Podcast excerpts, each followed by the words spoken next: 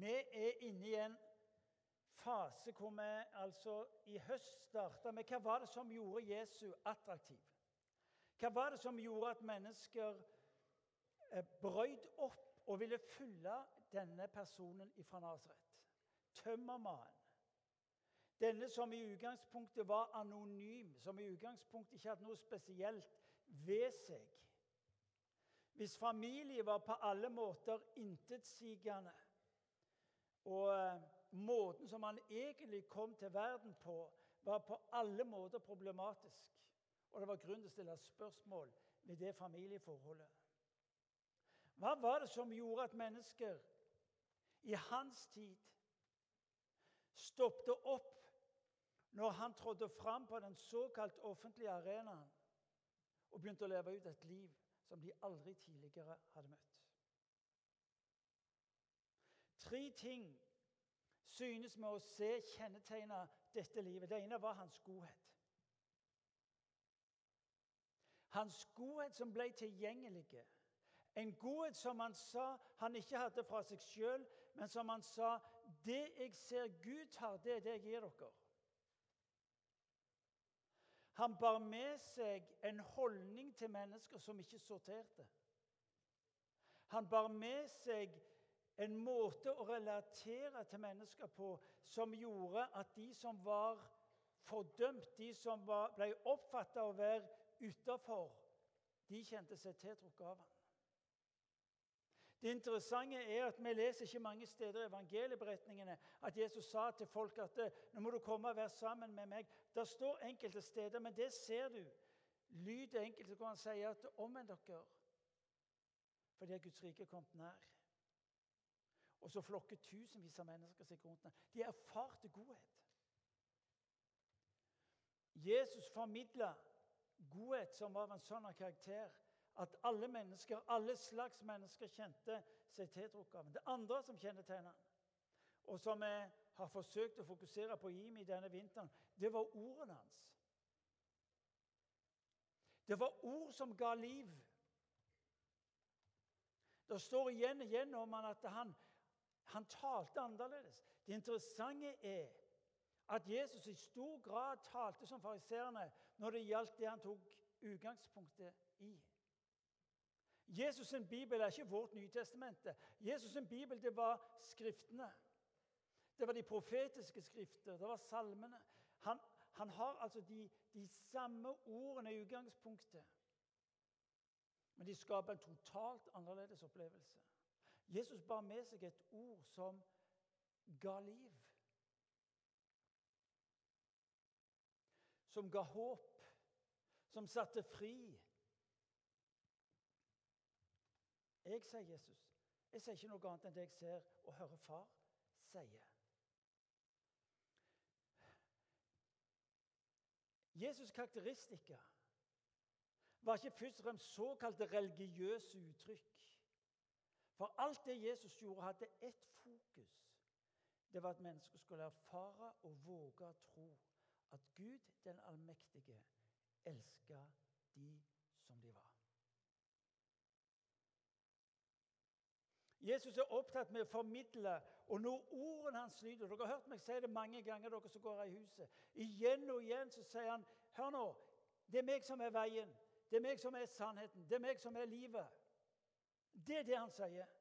Det interessante med Jesus denne på den ene sida milde, flotte, vennlige, kjærlighetsfulle Og definitivt han hadde en del røffe sider òg. Men han, har, han går ikke inn i dialog engang med andre såkalt religiøse retninger. Han sier 'jeg er sannheten'.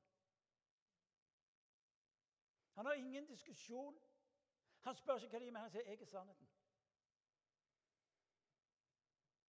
Interessant. Denne mann som respekterte og behandla mennesker som ingen andre har behandla dem. Jeg er sannheten. Jeg er veien. Jeg er livet. Men grunnen til at han sier dette, det er jo for at folk skal få tak i at nettopp sannheten og veien og livet fører dem til Faderen. Ingen andre fører til Faderen enn det jeg er å representere. Så når vi snakker om godhet, hvorfor snakker vi om godhet? Det er fordi at, Gud, det er fordi at mennesker skal veie på veien til Gud som far. At når de hører ordene fra kirka, så skal de våge å tro at disse ordene er ikke først og fremst religiøse uttrykk som et eller annet religiøst menneske har funnet på, men det er faktisk ord som hjelper meg til Gud Fader. Og når vi nå fra denne søndagen av og fram til sommeren skal ha et fokus på helbredelse, så er det fordi at vi synes å se at det tredje som kjennetegner Jesu liv, var nettopp helbredelsen. Ja, men Det har vi snakket om før, så ja, det er helt riktig. Hadde du vært sammen med Jesus, hadde du hørt det nesten sammenhengende i tre år. Det var en som hadde hengt så Er det ikke bare ungdommer som sier det? Jeg òg sier det av og til.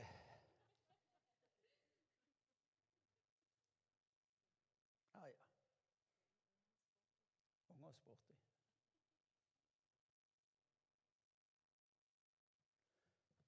Fordi at hans formidling av helbredelse skulle hjelpe folk til å få øye på ikke helbredelsen i seg sjøl, men han som ga gaven. En god venn av meg, Eivind Frøen, sa for en tid tilbake så sa han, jeg har sett mye av Guds hender, sier han. Altså kraft og uttrykk. Men min største lengsel det er å få lov til å se Guds hjerte. Få se Faderens hjerte. Og Det det vi skal snakke litt om i dag. Hvorfor helbredelse av alle ting? Hvorfor er det dette som Jesus identifiseres med? Visste du at 25% av evangelieberetningene er helbredelse og underberetninger? Han kunne jo snakket om mange andre ting. Så hvorfor er Kirka opptatt med det? Eller vi er opptatt med Fordi Jesus var opptatt med det. Jeg skal få høre litt mer om det seinere. Men det jeg vil du skal høre, og høre etter på en god måte Ikke hør nå tematikken helbredelse som et religiøst tema, men hør det som uttrykk for at Gud, Fader, sier 'Jeg elsker deg'. Jeg elsker deg.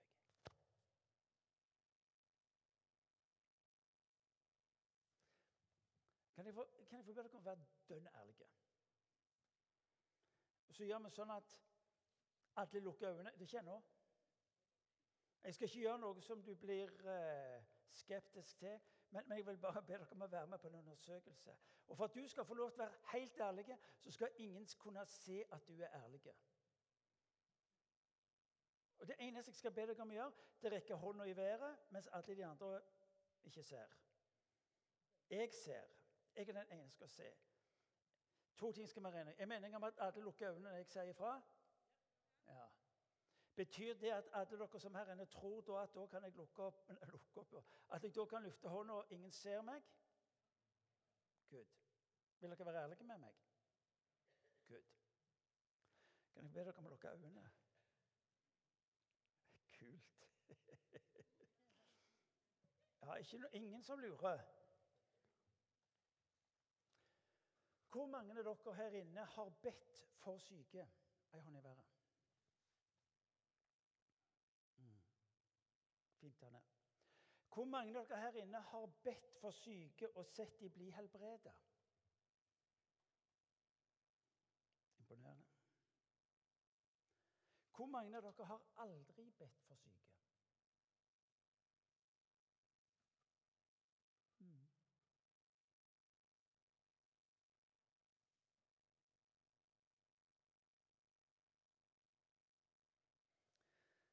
Herre Jesus Kristus, takk fordi du er mellom oss. Fordi du elsker oss, den enkelte.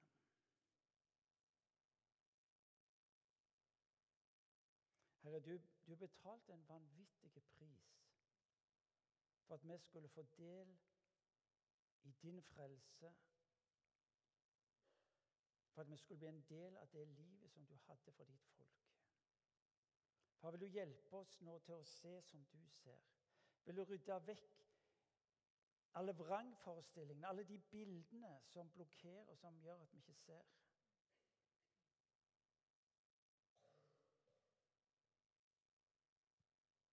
For jeg har en dyp erkjennelse av at jeg ikke er i stand til å overbevise disse menneskene om noe som helst om ikke du ved din ånd taler til oss, rører ved øynene våre, med hjertet vårt og ved viljen. Herre, vi ber i ditt navn. Takk fordi du er her. Amen. Eh, hvorfor helbredelse? Hvorfor er Kirka kalt til å forholde seg til helbredelse og det overnaturlige som en realitet? Fordi det er en gudsrik realitet. Når Jesus trør inn på arenaen, så leser vi i Lukas evangeliet kapittel 4. Vi skal lese en del sammen i Bibelen i dag.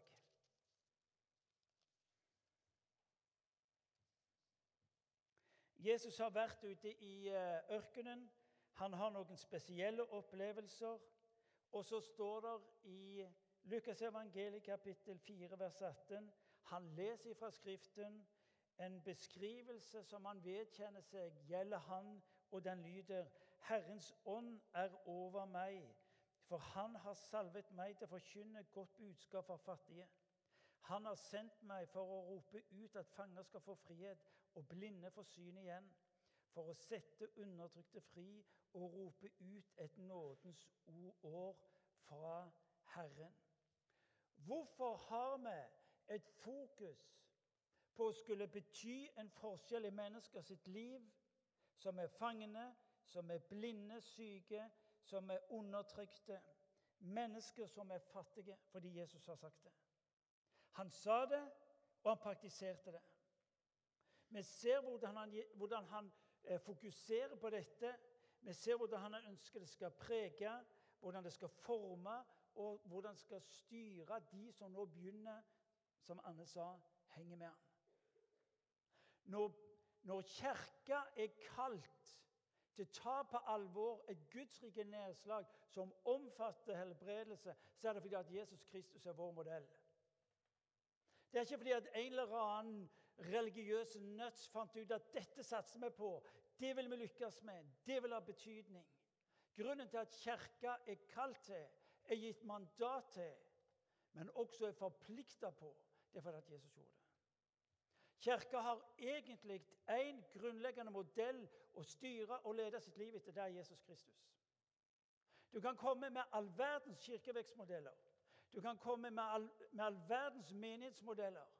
Det kokes ned til én ting. Det er at mennesker må få øye på hvem Jesus Kristus er. Og det gjør de ved at menigheten våger å leve ut de særtrekk som preger Jesus. For denne verden er svært lite interessert i hva du og meg får til. Denne verden er opptatt hvordan er denne Jesusen din. Denne verden er opptatt med hvor er det du henter krafta di fra når livet går skeis. Hvor er det du henger henne når livet ikke går i hop? Denne verden bryr seg lite om svaktroende eller sterktroende eller hva type religiøsitet du er opptatt med. Hvordan er denne Jesus som du snakker?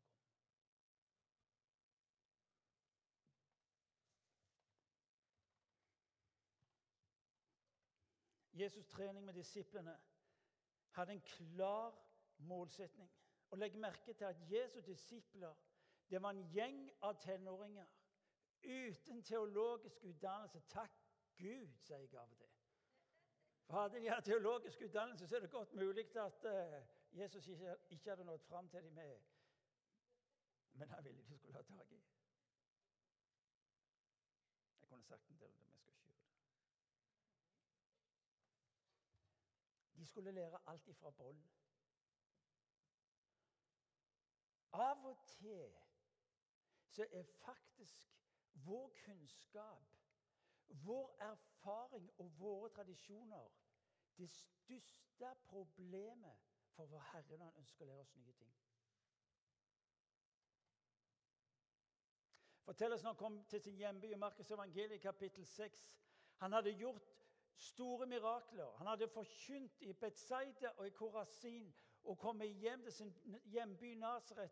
Men han kunne ikke gjøre noe i den byen, bortsett fra noen små, står. Og vet du hvorfor? Fordi de kjente han. De hadde historien på han. Tradisjonen. De kjente familien hans. De hadde plassert han. Sånn er det Jesus Kristus skal opptre. Og så avviste Hør nå. Jesus er opptatt med at du skal få ta Jeg holdt nesten på å si ren vare.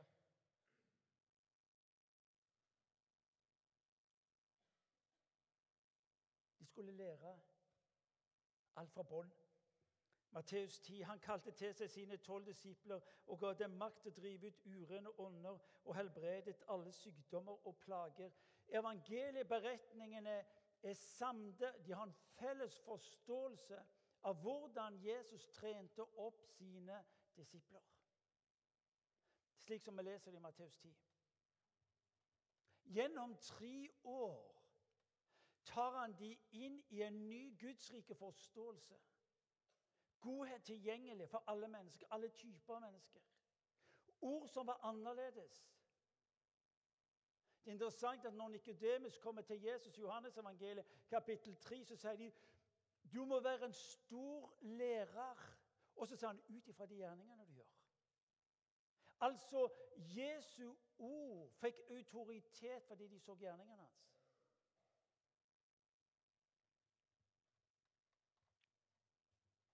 Gjennom tre år tar han disse tenåringene inn i en type liv som i konsekvens forvandler i løpet av 300 år hele den daværende kjente verden.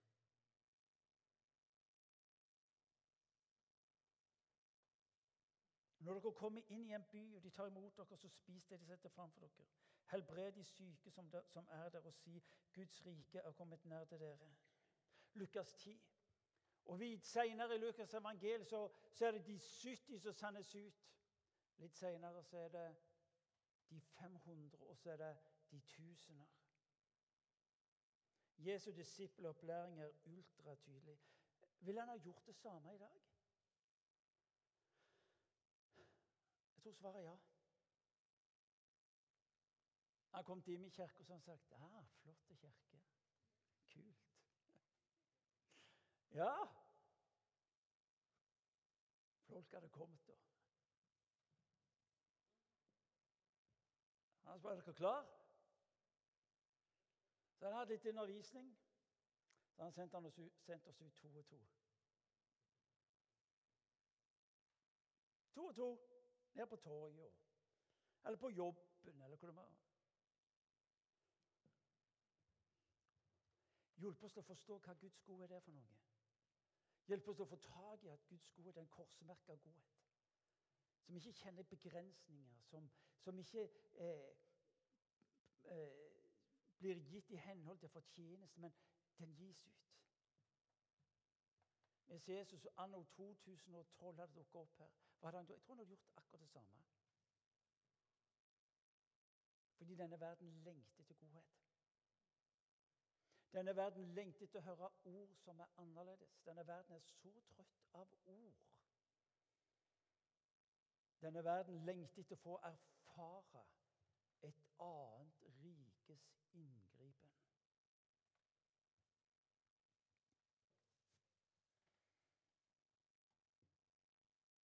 I Jesus' siste samtale med disiplene så har han viktige ting å si dem. Hør hva han sier i Johannes evangeliet. Og sannelig, sannelig, jeg sier dere, den som tror på meg, skal også gjøre de gjerninger jeg gjør. Ja, han skal gjøre større gjerninger enn dem, for nå går jeg til Faderen. Den som tror på meg. Vi snakker ikke om, om såkalt sterk tro. Vi snakker om hvem er det du tror på? Tror på Jesus. Det er, det er han Det er han Det er han jeg henger med.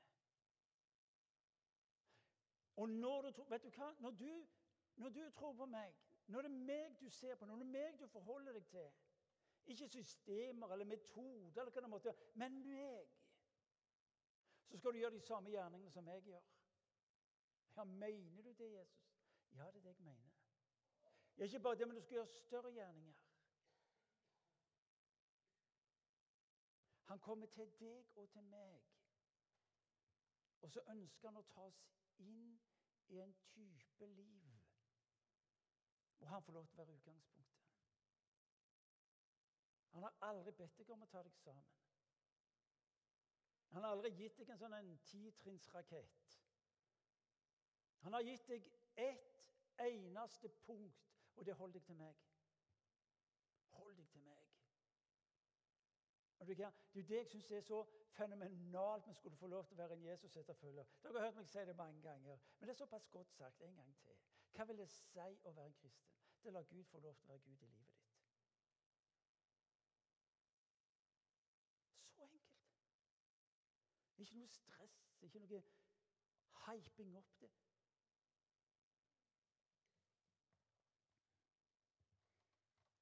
En gang til.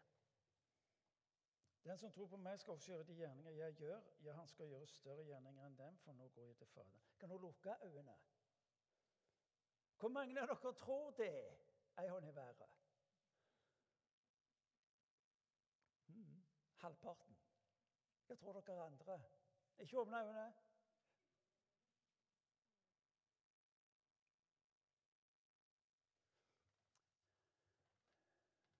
skal slekke, slippe å rekke opp hånda. Men har du lyst til å gjøre de gjerningene? Har, har, du lyst til å se godheten fylle ditt liv på en slik, måte, på en slik måte at mennesker får nytt mot? Nytt håp?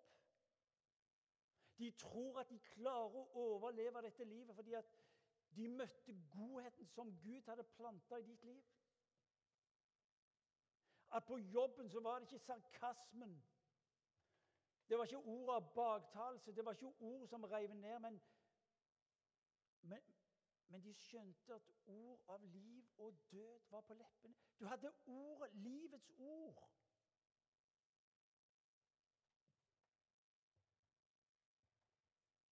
Der du gikk fram jeg synes Det er så fascinerende når Jesus sier når dere kommer inn i hus, sier han, og de setter fram mat for dere, og dere ser noen som er syke, så må dere be for dem.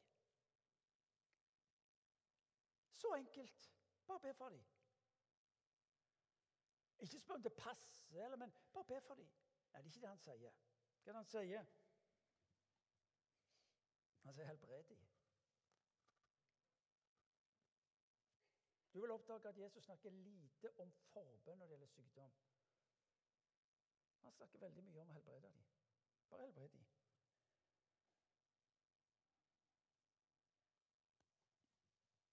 Matteus 28 kjenner dere. Gjør alle folkeslag til mine disipler. Det dere lærer dem, å gjøre alt de har befolket dere. Dåp og opplæring går hånd i hånd. Jesus er opptatt med én ting for sine etterfølgere. det at de skal få lov til å leve i det han er. Kirka har et primært kall. Det å leve i og leve ut det livet som Jesus Kristus har rekt oss på denne kloden. Han har aldri spurt deg om hva du har, hva du makter, og hva du får til. Han har sagt én ting. Hold deg nær til meg.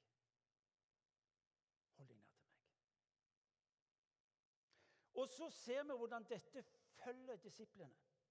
I Apostelens gjerninger så står det, kapittel 5, vers 16, så står det at de helbredet alle sykdommer. Da, tematikken vår i denne perioden er helbredelsen. Og Det vi ser, det starter med, med Jesu liv og bekjennelse, programerklæring. Vi ser hvordan du følger disiplene sammen, når de er sammen med Jesus, og vi ser at det følger disiplene når Jesus har forlatt dem.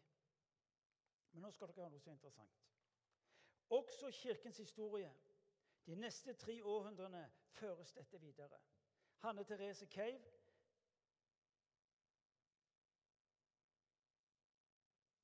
Lofsnes? Det er ikke så lett. Av og til når jeg sier Hanne Therese Cave, tenker jeg søren hva. For de dere som ikke vet det, så er det vår datter, men hun er blitt gift og har fått et nytt giftenavn. Men jeg, eh, jeg, sakte, men sikkert så skal det gå inn, så bare gi meg tid. Og så skrev sin masteroppgave om helbredelse i Misjonshøgskolen. Les den. Den blir snart lagt ut på nettet. Les den.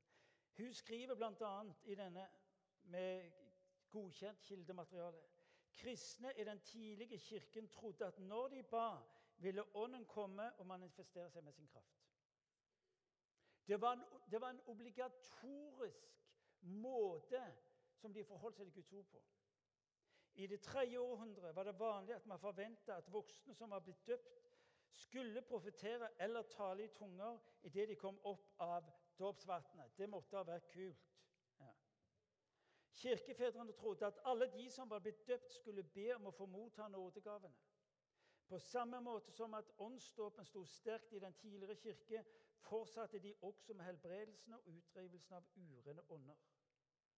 Her var det ikke bare noen få som ba for syke. Alle ble oppmuntret til å være aktive, kvinner som menn, uansett samfunnslag.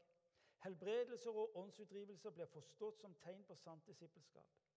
Kirkefader Tertulian mente at den mest noble form for å leve kristenliv var å drive ut onde ånder, utføre helbredelser og leve med Gud.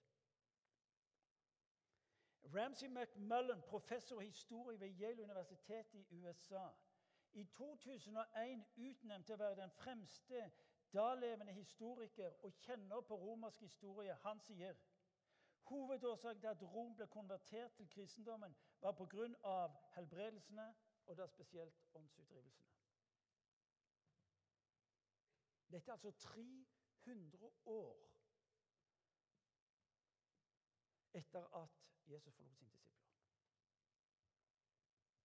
Altså, Kirka bar med seg et liv. Kirka reflekterte et liv som var kjennetegnet, og som var eh, typisk Jesu liv. Hva så med vår tid? Det faller for langt å gå inn på den historiske utviklingen. Men i vestlige verden så er dette med det overnaturlige helbredelse omtrentlig fraværende. Det er enkelte lyspunkter. Det er mange forklaringer. Men det som jeg i en sum ser kjennetegner Kirka i vårt land, det er at den er redd for tematikken. En er så livende redd for å snakke om helbredelse fordi en er redd for å bli eh, mistenkeliggjort. En erfarer lite, erfarer ingenting, en mister motet, og så tror en ikke lenger på det. Det er en interessant undersøkelse som jeg så i, i Vårt Land i går. Pinse vekkelsen.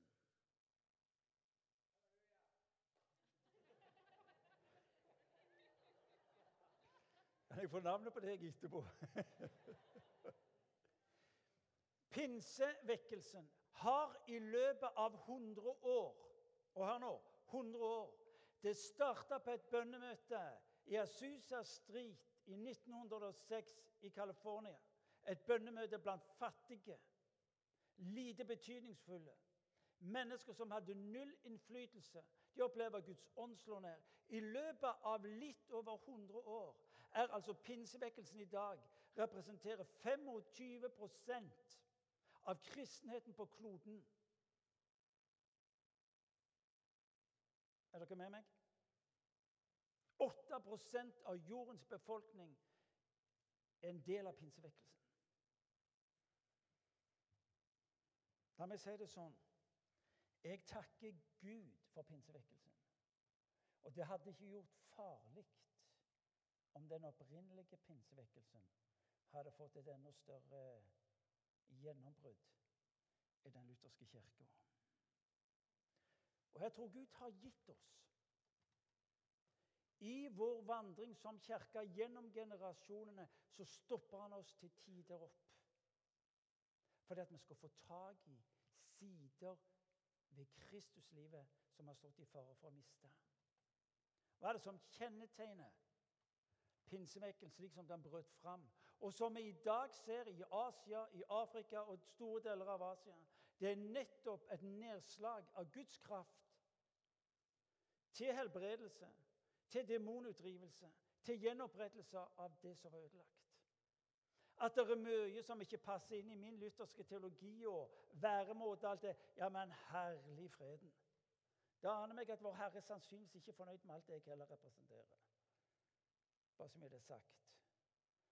Enkelte kan jo få det inntrykk av at vi i Den lutherske kirka representerer den optimale sannhet. Og enkelte ganger gjør vi òg det.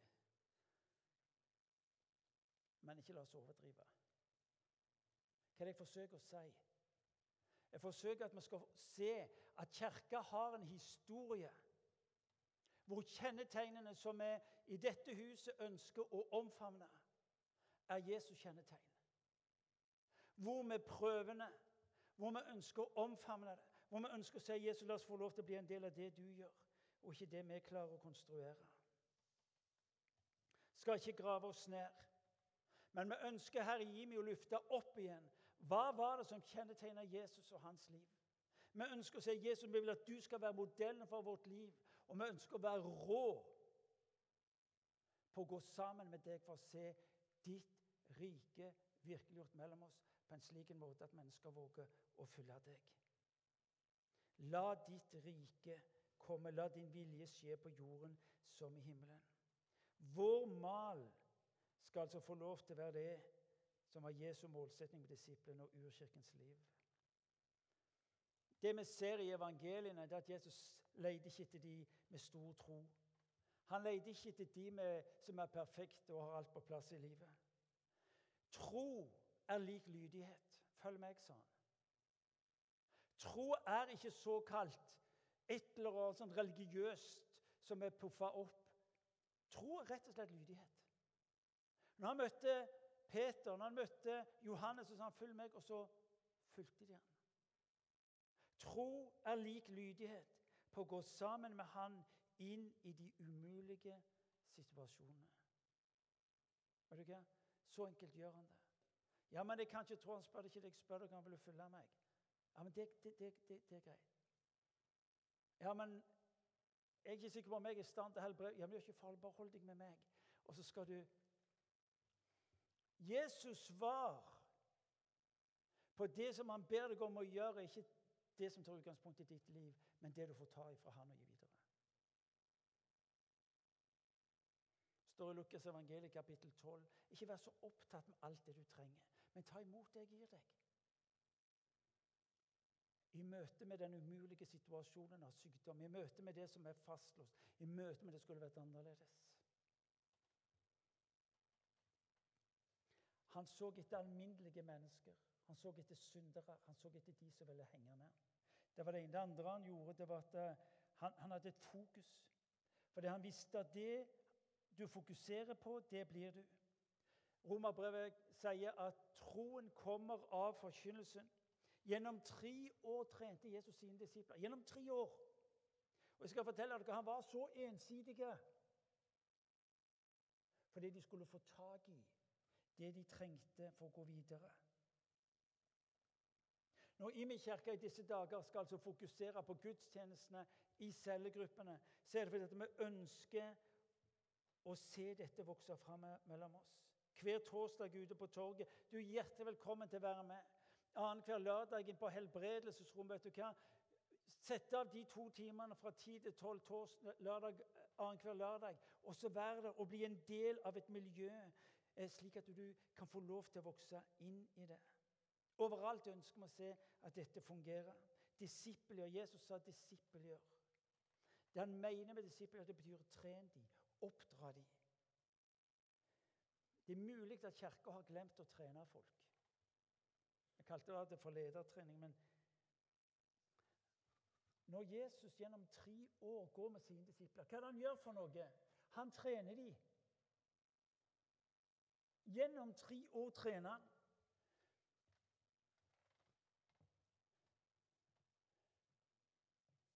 Samuel, hvor er du henne? Jeg må stille deg et spørsmål. Når, når, når, du kom til verden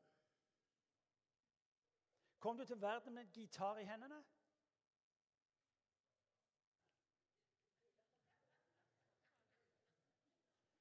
Var du fullt utlært når du kom til verden? Nei. Hvor mange av dere eh, kan spille på et instrument. Nå kan dere ha øynene oppe. Ja. Det som jeg vet Med stor sannsynlighet kjenner dere alle sammen. kjenner dere alle sammen. Dere har øvd, dere har trent. Og så har dere blitt så gode som dere har blitt. Ja, Men det gjelder jo på alle ting i livet. Og så har vi denne forestillingen om at når det gjelder ting i Guds rike Hvis jeg ikke får det sånn, klakk, så, så gjør jeg det ikke. Jesus trente disiplene gjennom tre år. Sånn skal du holde hånda di. Sånn skal du bevege kroppen din. Kan du se for deg hvordan Johannes og Peter står der og diskuterer? Peter og Johannes sendte han sendte de ut to og to. Og så kommer de fram til en som er syk, så begynner de plutselig å diskutere var det sånn du skulle holde hånda, eller var det sånn. Nei, det er ingen av måtene var helt feil. Ja, men skrev du det ikke ned? Nei, jeg husker. Gjennom tre år lar Jesus de få lov til å lære, trene. Og så kommer de tilbake, og så forteller de. En av mine hovedteser er at vi, vi mangler av det Gud tar for menighet fordi vi aldri vågte å trene på det. Fordi vi hadde denne forestillingen at hvis Gud skulle bruke meg, så skulle jeg ha det fullt ut. Jesus sier 'be og bli ikke trøtte'. Det han egentlig sier 'be og be lenge'. Det er en annen utgave.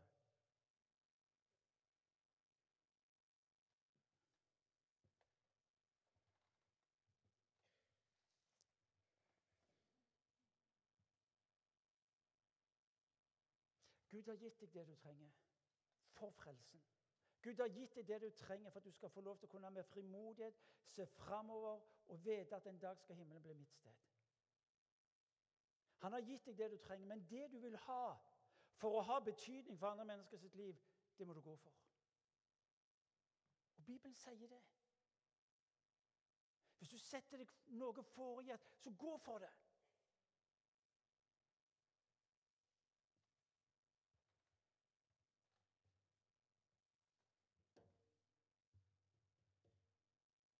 Sam Lovell, en god venn av huset, han, eh,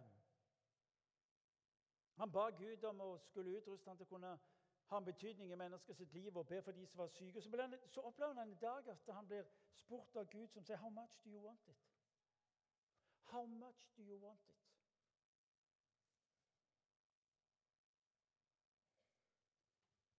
Kan jeg få lov til å si deg noe nå? I altfor stor grad har spørsmålet om helbredelse blitt et spørsmål om det passer meg. Mens det det egentlig er fra Gud når han gir dette til kirka, det er at det er mennesker som trenger det. Er dere med meg? Vi har gjort dette til et spørsmål om det passer meg.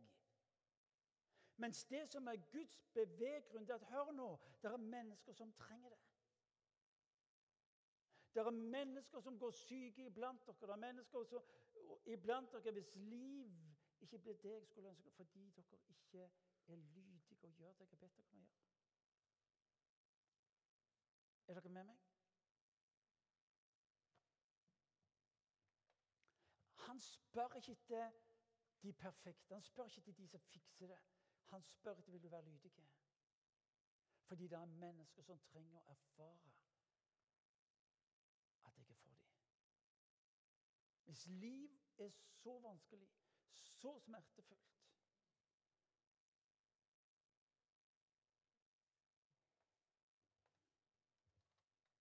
Så skal altså Kirka få lov til å være et sted hvor vi skal få lov til å høre ordet, bli oppmuntret av ordet. Her skal vi få lov til å trene. Det store alvoret at det som ikke skjer i menigheten og medlemmene sitt liv, vil heller ikke skje der ute. Det er et faktum at på den teologiske utdannelsen på et nærværende teologisk fakultet er det ikke én time undervisning om bønn for syke.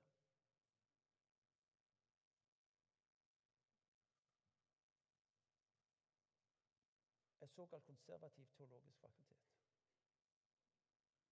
Ikke én time.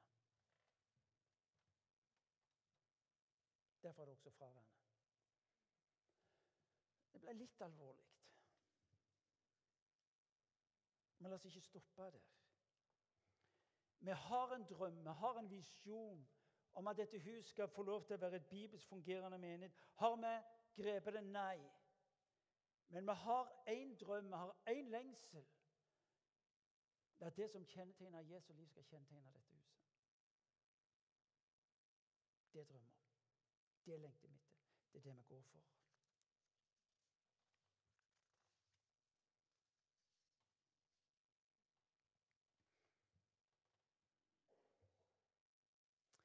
Vår historie er litt sånn opp og ned når det gjelder bønn for syke. Det vi har erfart, det er at når vi fokuserte på det, fikk vi se mer skje. Og For en fire-fem år siden opplevde vi at Gud taler inn i livene våre som lederskap og setter nettopp det overnaturlige og helbredelse på dagsorden. Det har med at vi må ut på gata. Gud sender oss ut på gata. Det har noe med at vi med langt større frimodighet begynner å be for hverandre her på gudstjenestene og imellom oss. Og Det vi ser skje, det er at stadig flere blir helbredet. Det er det ene vi ser. Det er at eh, når vi lufter opp det som er et bibelsk så ser vi også mer skje. Det interessante er òg at når vi så tar dette her med oss til Thailand og Kambodsja steder som i stor grad er ukjente med denne undervisning og dette livet, så får vi se et nedslag som er helt, helt spesielt. Bare for ei dame i, i, Thailand som var blind på det ene øyet. Eh, Vi ber for henne, og, og etter å ha bedt for henne tre-fire ganger, så, så, så, får hun synet tilbake igjen. Og Det interessante som da skjer, det er at Martin Cave som ber for henne, han står plutselig og tviler på hele greia. For han spør snakker du sant nå. Ja, nå må du være ærlig. Du kan ikke lure meg der du sitter. Og til slutt så sier pastoren i den menigheten Listen, pastor. She can see. Do you understand? Yes. Yes, I do.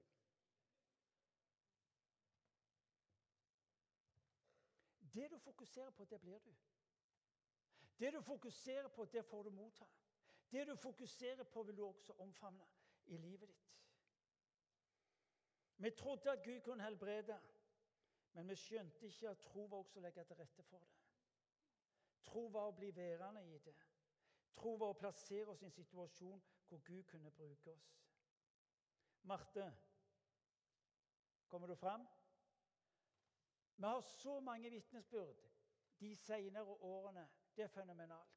Vi kunne hatt vitnesbyrd på, på hver enda gudstjeneste mange ganger. Eh, men vi vi har ikke gjort det. Men nå kan jeg få den mikrofonen. Du må komme helt opp, Marte. Hun er et av de festligste menneskene jeg vet om, forresten. Ja. Hvis du dunker den Der vekk den. Du var syk. Ja. Hva som feilte deg? Hva sa du? En sykdom i tannkjøttet. I tannkjøttet? En sykdom. Syk... Ja, det er helt riktig. Er det Lege begeistra for henne? Sykdom. Hvordan var det? Uh, nei, greia er at uh, For um, ca. to år siden så var jeg med tannlegen for å trekke visdomstenner. Og så sa han at, at jeg hadde en kronisk genetisk sykdom i tannkjøttet som jeg ikke har merka noe til sjøl. Um, og jeg syns det egentlig var litt rart at jeg hadde den, i og med at jeg ikke merka noe. Og så sa han at det eneste jeg kunne gjøre, det var å uh, holde den i sjakk. Med å fare ofte til tannlegen og rense opp og sånn. Og så har jeg gjort det. Men så har jeg også eh, spurt hele slekta mi da, om det er noen som har problemer med tannkjøttet i og med at det er genetisk. Men det er det ingen som har hatt. Mm, derfor har jeg vært tre ganger med tannlegen og tatt røntgen for, for, å forsikre meg da, om, eller for å se om jeg har den sykdommen. For jeg syns det var så rart. Og det har han sett på røntgen at jeg har hatt. Du har den sykdommen. Mm. Så ble du bedt for hvor henne? Eh, på helbredelsesrommet. Det som var greia, det var at Jeg har jo visst om denne sykdommen lenge, mens jeg har en tendens til å bare eh, eh legge ting vekk. Og ikke, ja, ikke fokusere på det som er dumt. da. Men eh, i september så Eller den kommende svigermora mi, hvis jeg gifter meg, er tannlege. Eh, Lars er ikke her nå, så jeg kan si det. Nei da, men hun er tannlege, og hun fortalte meg litt om den sykdommen. Og etter hun gjorde det, så kjente jeg at jeg fikk skikkelig panikk. fordi at eh, det ender som regel med at eh, du må ha protese. Og det vanligste er å få den sykdommen når du er 60-70 år, ikke en ungdom som skal ha den. Og så begynte jeg å lese meg opp, og jeg fikk, jeg fikk seriøst helt angst. Og jeg har ikke sovet på nettene. Jeg liksom har begynte hver dag med å grine og avslutta hver dag med å grine og bedt og bedt og bedt. Så i september så begynte jeg å gå på um, helbredelsesrommet her. Uh, ja. Og jeg har, jeg har gått der uh, hver lørdag til, fra september til mars uten at det har skjedd noe. Men uh, ja. Og jeg har sagt til Gud at jeg tror ikke på dette her, men jeg skal gå. Fordi ja, jeg er blitt oppfordret til det. Ja, Så du trodde ikke på, for, på forbønnen, men du ville gå fordi du ble blitt oppfordret? Ja. ja. Det er mye tro i det. Ja.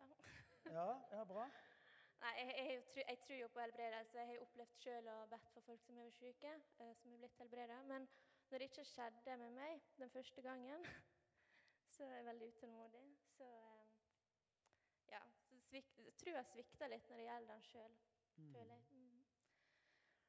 Uh, skal jeg si mer? Ja, du har kommet så godt i gang. Ja. uh, ja um, folk, ja, har bedt for meg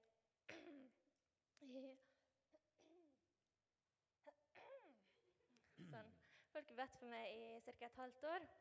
Og jeg har fått masse, masse fine bibelvers og masse fine bilder og løfter. og Det var noe voldsomt.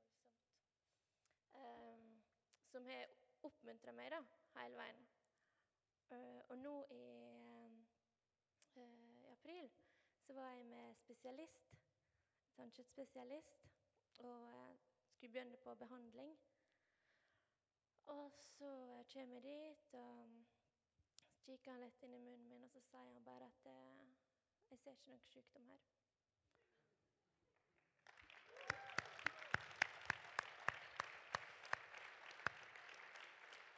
Eller Han så litt, da.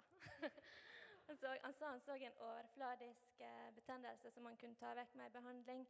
Men det er jo noe helt annet enn det første jeg fikk vite, at jeg hadde en eh, kronisk sykdom som jeg måtte leve med hele livet. Takk skal du ha, Marte.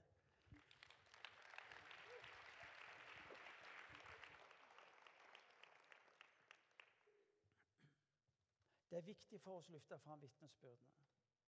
Noen av dere vil si ja, men det er jo ikke så all verdens. Jo, for Marte var det all verdens.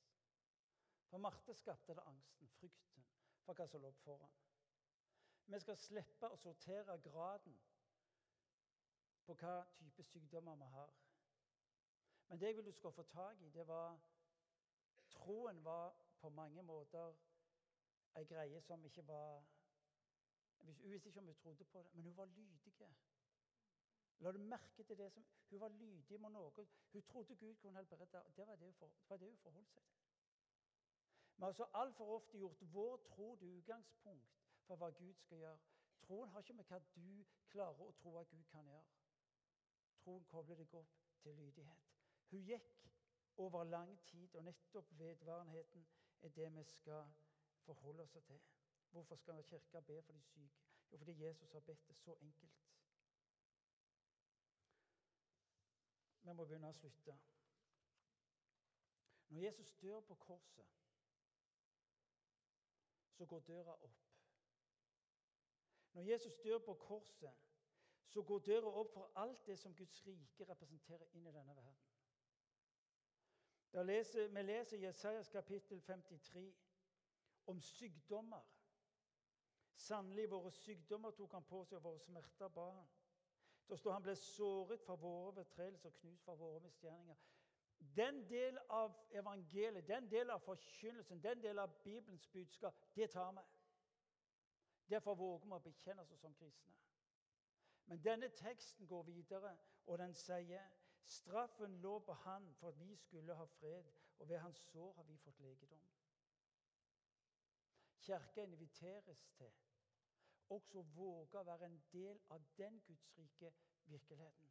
Og det er den du og meg inviteres til og skal få lov til å leve i i tida som kommer. Jeg vil du skal få tak i at Jesus oppsøker smerten. Han kommer inn i denne verden for å oppsøke nøden, for å oppsøke smerten. Han kom inn i denne verden for at lyset skulle få lov til å ødelegge mørket. Og han gjør det ved ditt og mitt liv. Hør nå, Når vi nå fokuserer på helbredelse, ikke la det bli ei greie sånn Jeg er ikke sikker på alt det der. For det handler dypest sett ikke om deg, men det handler om de som trenger til at du og meg er lydige på det Jesus legger i hendene våre, og som kan bety en forskjell i folk sine liv. Er dere med meg? Når du begynner med denne kronglete og trøblete av og til litt sånn tullete argumentasjonen for eller imot, så vil jeg at du skal se de menneskene som trenger til at du går til dem med det Jesus har for dem. Ikke bare én gang, men mange ganger. Og om du er her inne som, som er syk, og mange i huset vårt som er kronisk syke og vi, sier, vi ber igjen og igjen for hverandre. For en tid tilbake så var det ei, ei dame som kom fram på hver gudstjeneste. og Så sier hun at eh, dere, eh, dere syns kanskje jeg har oppført meg litt rart. Fordi hun, hun, hun grein mye. Og kroppen hennes den, den, var i sånn en aldeles bevegelse hele veien. Og så sier hun dere ser det, sier hun, at da jeg var liten, så ble jeg utsatt for overgrep. Og det var så mye smerte i kroppen min. Men gjennom denne tida at jeg fikk lov til å komme her, og de ba for meg, kan jeg i dag si at i dag er jeg fri.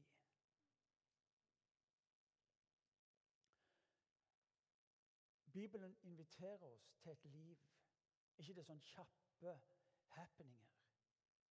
Bibelen inviterer oss til å gå etter veistykket sammen med denne Jesus Kristus, fordi han har det som menneskene trenger.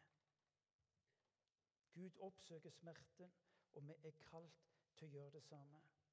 Kan jeg få lov til å utfordre deg i kveld og tida som kommer, at du våger å stille spørsmål når du møter nøden. 'Jesus, hva gjør jeg nå?' Hva gjør jeg nå? Ikke hopp på folk. Ikke slå dem i bakken og rope et eller annet kristelig. Men Jesus, hva, hva, gjør jeg nå? Når Jesus sendte de ut, som jeg leste i Lukas' evangeliet, når dere kommer inn i et hus og spiser det de gir dere, og ser dere noen som er syke, så helbred de.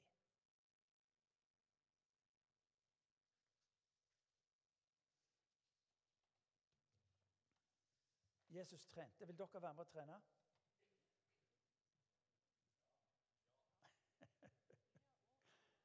Det er bra. Nå skal dere høre. Vi har bedt om å få kunnskapsord til gudstjeneste. og Dette kommer til å skje på gudstjenesten utover denne våren. Fordi vi har et ønske om å få lov til å se Guds rikes nedslag i enda større grad på dette som har med helbredelse å gjøre. Vi har kunnskapsord. Et kunnskapsord er en merkelig form for informasjon. Jeg forstår det ikke helt, men det gjør ikke så farlig.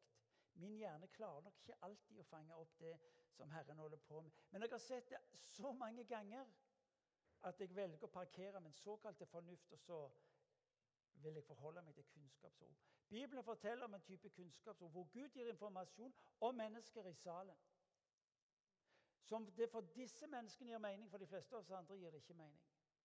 Og når jeg forteller deg, Jeg har hørt så mange ganger hvordan dette ga mennesker fremodig. Altså, um, en, en, en, pastor i byen han forteller han at på bakerste benk fordi at sønnen hans spilte her oppe.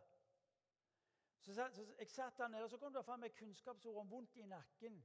Ja, hva Er det noe å lage støy for, da? Ja, for han var det et problem. Så han satt der, så kom det fram med kunnskapsord om, om, om eh, vondt i nakken, og, og han hadde drabelig vondt i nakken. Så han ble bare sittende, for han tenkte dette var jo sikkert en eller annen som trengte. Og Så satt han der og så så han, og så, og så skjønte han at det var ingen som responderte på det. Og så kom jeg, ja, men jeg har jo vondt i nakken, jeg. Så han, ja, ja, jeg kunne ikke skade å gå fram da. Så han gikk fram, og så ble han bedt for, og så ble han helbredet momentant. Vi tror så lett at det gjelder for andre. Vi tror så lett at hvis noen skal bli helbredet, så er det de andre. Hvis noen som Gud utruster til å be og helbrede, så er det sikkert de andre, men det er ikke meg. Jeg kan tenke meg å utfordre dere på i kveld, og dette er spennende. Dette vi har gjort noen ganger før. Nå skal dere høre noen av de kunnskapsordene. Og de av dere som gjenkjenner de kunnskapsordene på livene deres, kan jeg få lov til å utfordre